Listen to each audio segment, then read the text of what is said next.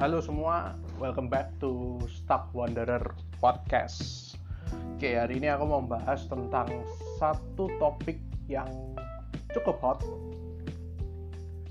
uh, dan satu topik yang sedang hype hari ini. Nah, tentang apa nih? Tentang unicorn IPO di Indonesia. Nah, kita denger nih habis ini kan ada nih uh, perusahaan unicorn uh, e-commerce yang mau IPO nih. Dan tidak cuma satu tapi ada dua. Ya yang satu memang sudah gede kita sudah tahu ya. Uh, yang hijau-hijau itu yang satu ojol yang satu e-commerce itu jadi satu. Yang satu ini satu e-commerce yang dulu iklannya bagus banget sih aku suka. Iklannya lucu-lucu.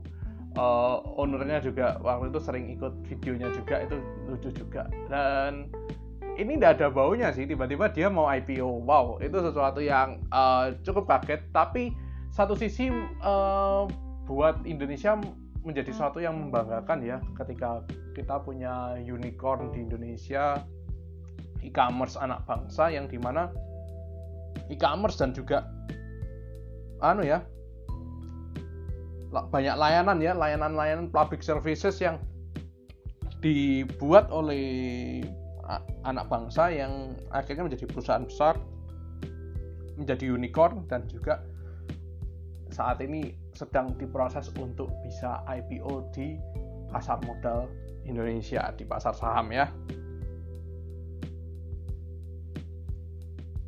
memang kalau kita ada pepatah, ada ada beberapa perkataan yang ngomong gini, ketika kita mau invest invest lah di perusahaan yang kamu tahu produknya itu di mana dan kamu sering lihat. Nah, kalau kita ngelihat sebenarnya dua dua dua perusahaan ini, dua emiten yang akan segera IPO ini sebenarnya adalah dua emiten yang kita ini sering pakai ya. Mostly kita akan kita pakai, kita juga uh, kita untuk melakukan transaksi kita bahkan belanja belanja barang juga kita butuh untuk transport online kita butuh bayar voucher online kita mau beli tiket kita mau beli apa itu semua ada di sana ya. Dan bahkan ini sudah kayak uh, istilahnya wah ini perusahaan yang bakal istilahnya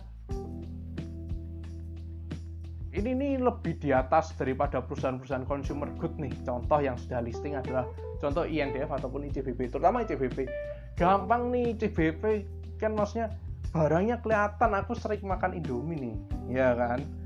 Invest di sini nih loh, ini semua orang pakai. Nah, sama hanya dengan dua perusahaan, dua emiten yang akan mau IPO nih dekat-dekat ini. Ini suatu hal yang sangat uh, hype juga di kalangan investor saham dan terutama untuk investor-investor dan para para pelaku uh, pasar modal yang millennials ya.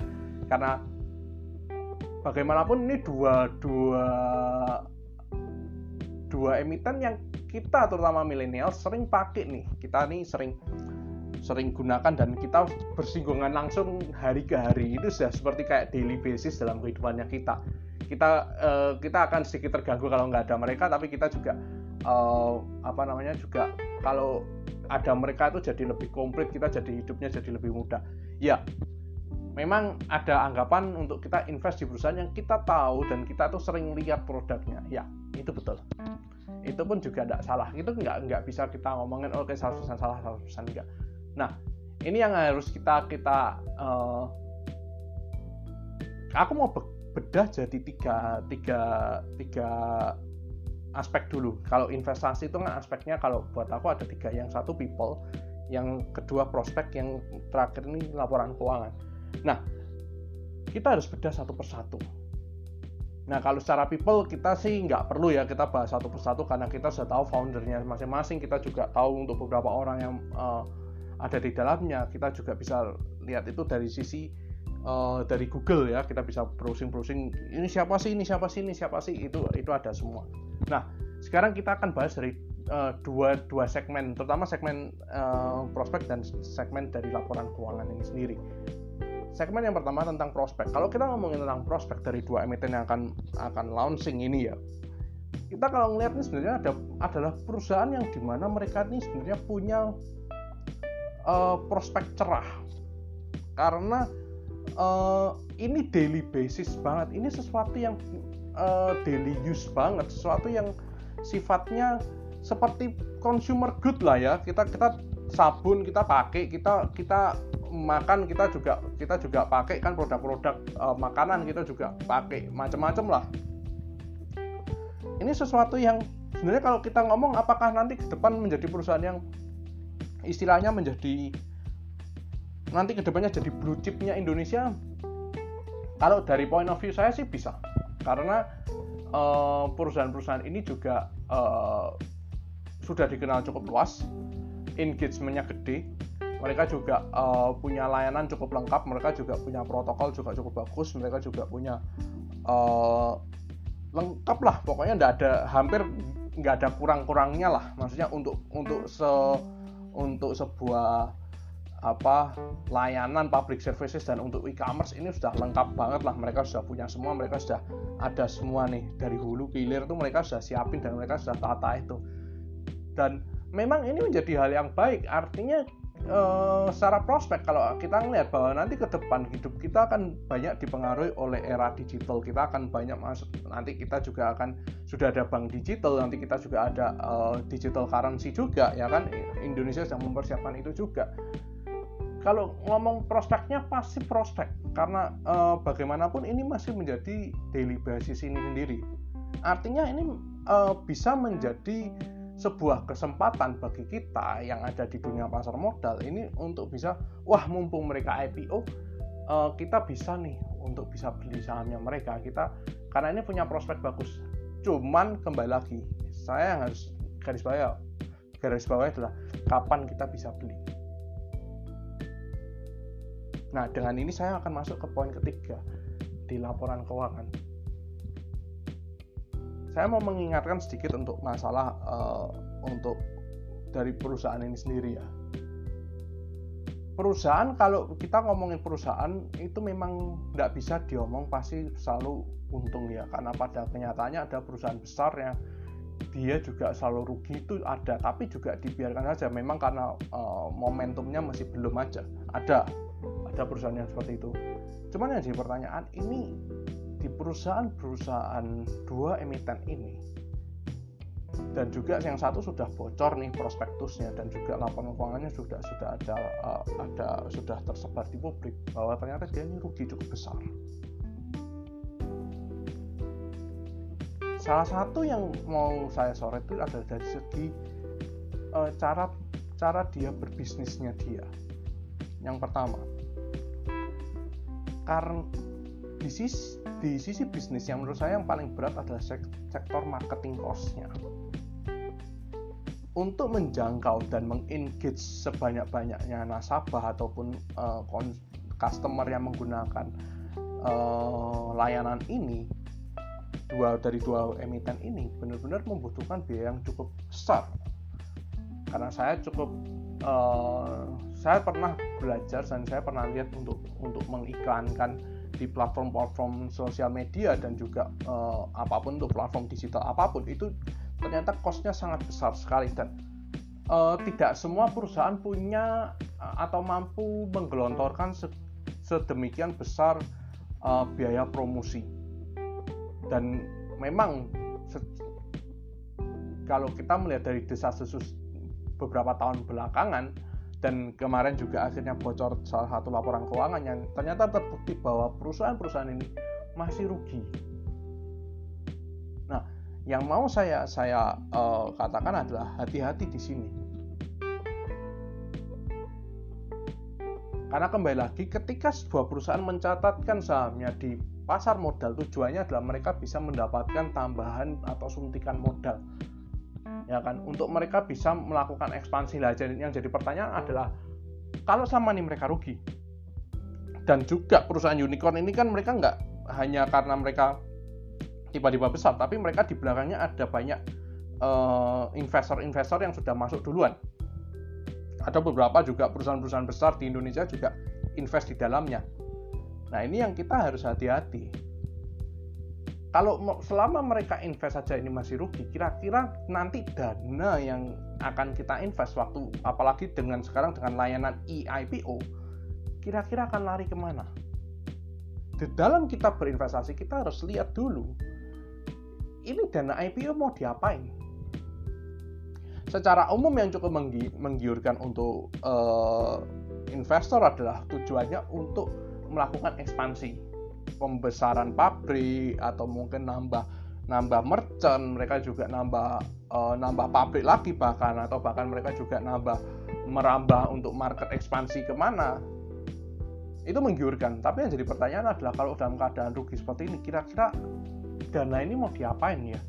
Karena kemungkinan IPO yang akan dilakukan ini akan menyedot cukup dana yang cukup besar dari dari publik ini yang harus kita pertanyakan dari dulu. Kira-kira mau diapain ini? Loh prospeknya lo cerah.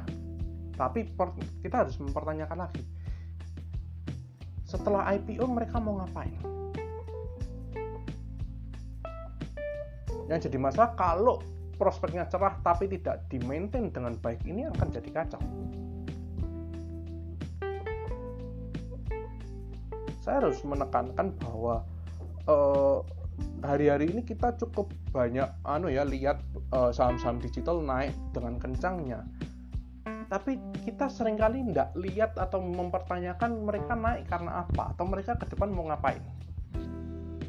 Kita hanya terjebak dalam euforia untuk uh, mendapatkan keuntungan dari kenaikan harga. Lah jadi pertanyaan. Saya menemukan bahwa beberapa orang ketika saya bertanya kenapa anda beli satu saham mereka ngomongnya penjab investasi tapi ketika mereka berinvestasi mereka melakukan ya sudah investasi hari ini beli besok jual itu namanya bukan investasi itu itu trading. Investasi itu berarti kita membeli sebuah bisnis dan bisnis tidak bisa berubah dalam waktu satu malam. Karena bisnis bukan suatu hal cerita dongeng seperti uh, di Prambanan kan membangun seribu candi gitu enggak juga kan Artinya di sini akan ada proses. Lah di dalam proses itu mereka mau ngapain ini yang harus kita pertanyakan. Di dalam mereka mengatur dana yang mereka dapat dana seger dari IPO ini mereka mau ngapain? Jangan sampai hasilnya malah jadi tidak tidak uh, produktif tapi menjadi uh, sarana untuk tambal menambal daripada kerugian yang sudah ada karena saya melihat kerugiannya cukup gede nih dan juga melihat marketing costnya cukup tinggi. Apalagi saya tahu uh, untuk hire beberapa brand ambassador itu juga nggak murah ya kan? Mungkin kemarin juga sempat ada bocor nih waktu kemarin rame-rame uh, salah satu perusahaan waralaba fast food juga mereka bikin suatu kolaborasi uh, dan itu cukup ramai sampai banyak yang ditutup kan gerai-gerainya banyak yang ditutup karena uh, untuk prokes ya protokol kesehatan. Dan itu kan kemarin sempat ada beberapa artikel yang ngomong oh ini yang pihak-pihak uh, dari dari brand ambasadornya yang sana ini dibayarnya segede ini loh. Saya bertanya-tanya kalau hanya untuk satu event selama sebulan atau beberapa waktu aja mereka bayar segitu bayangkan dengan perusahaan ini yang sudah salah satu emiten ini yang mereka sudah pakai mungkin sudah setahun lebih bahkan nggak cuman nggak cuman satu satu brand ambassador tapi ada banyak. Di sini saya cuman bayangin aja sekarang dengan dengan dia perkiraan omset perputaran nih kan di beberapa e-commerce kan mereka sistemnya uh, mereka akan dapat uh, uang mereka akan dapat revenue dari berapa barang yang dijual kan jadi misalkan kalau kita jual mereka akan dapat bagian sekian persen. Ya, secara umum mereka akan ngasih sekitar satu persen. Eh sorry, mereka akan menarik sekitar satu persen dari nilai transaksinya. Artinya kalau kan kita ngomong perputarannya katakan sehari 2 triliun berarti ada 20 miliar mereka per hari. Yang jadi pertanyaan oke okay, secara nominal revenue per hari dapat 20 miliar ini hal yang enak ya. Dan habis itu 3, 30 hari akhir karena tiap hari kan ini akan jalan tiap hari dan kita akan lihat bahwa revenue-nya mereka ada sekitar 600 miliar per bulan. Let's say 600 miliar per bulan. Pertanyaannya tiap bulan mereka mereka keluar berapa duit untuk promosi? Promosi di brand ambassador mereka hire brand ambassador kedua juga masih harus promosi di platform online. Dan itu tidak biaya kecil. Kalau dibandingkan dengan bayar ini dan itu jujur saya jujur melihat revenue 600 miliar ini kecil. Karena bayarnya kepada brand ambassador dan juga platform online ini besar sekali. Apalagi juga mereka tidak cuma di situ tapi di platform-platform uh, konvensional juga itu mereka ada. Dan saya melihatnya wah ini mereka bayar segini segini banyak dan juga investasi itu segini banyak uh, dipakai bayar-bayar ini kira-kira mereka sudah cuan belum ya? Mereka sudah dapat profit belum ya? Saya bertanya-tanya ini sejak mungkin sudah sebelum saya masuk di dunia pasar modal mungkin. Mereka dapat untung dari mana ya kira-kira keuntungan lain apa yang mereka bisa mereka bisa dapatkan? Ya memang uh, ada beberapa perusahaan ini dan juga mungkin salah satu yang akan IPO ini mereka melakukan juga diversifikasi juga mereka melakukan investasi ke perusahaan lain. Ke lini lain bahkan mereka juga ada yang mengakuisisi uh, lembaga keuangan juga kan? Tapi yang jadi pertanyaan adalah kira-kira mau balik modal kapan nih karena jangan-jangan dana IPO ini cuma dipakai untuk menyedot dana dapat dana tambahan. Tapi investor-investor retail seperti kita tidak mendapatkan uh, kebaikan dari sana. Boro-boro ngomong capital gain kita belum tentu dapat dividen lagi. Ini harus jadi pertanyaan jangka panjang saya yakin perusahaan ini akan survive selama di maintain dengan baik. Tapi menurut saya untuk jangka pendek saya akan mulai berpikir ulang karena nggak kita nggak bisa mematok oh, bahwa oh, ini pasti ini pasti ini akan langsung terbang atau gimana. Saya saya sih nggak berani jamin. Saya nggak berani ngomong oke okay, ini pasti enggak kalau dari point of view saya saya justru ya udah uh, saya nunggu malah setelah mereka IPO mungkin setelah berapa lama entah harganya entah naik entah turun. Kalau misalkan turun ya sudah malah jadi kesempatan saya. Atau bahkan turun di bawah harga harga penawarannya mereka atau mereka uh, ada harga tertentu waktu mereka IPO selama tidak oversubscribe ya. Wah itu jauh lebih enak lagi. Tapi yang jadi pertanyaan adalah kira-kira kapan mereka bisa uh, akhirnya kita bisa ketika kita investasi sana kita dapat capital gain atau kita bisa dapat dividen di sana atau kita bisa dapat apalah yang menarik di sana. Ini kan yang harus jadi pertanyaan. Karena kita oke okay, kita boleh memang ada orang invest yang memang karena memang fanatisme dan mereka ya udah rugi nggak masalah yang penting aku invest di sini. Invest karena hobi ada yang jadi pertanyaan secara umum kan kita nggak invest karena hobi karena kita kita pingin nih kita pingin mendapatkan gain juga. Kita mau e, mau juga ada passive income.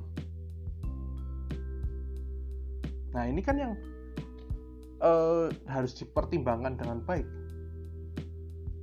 Oleh karena itu saya mau berbicara bahwa lihat dulu kalau prospeknya memang bagus kira-kira dalam jangka dekat kayak gimana mereka jalan ke jauh kayak gimana programnya mau apa kalau keadaannya kondisinya perusahaannya seperti ini kira-kira mereka mau ngapain?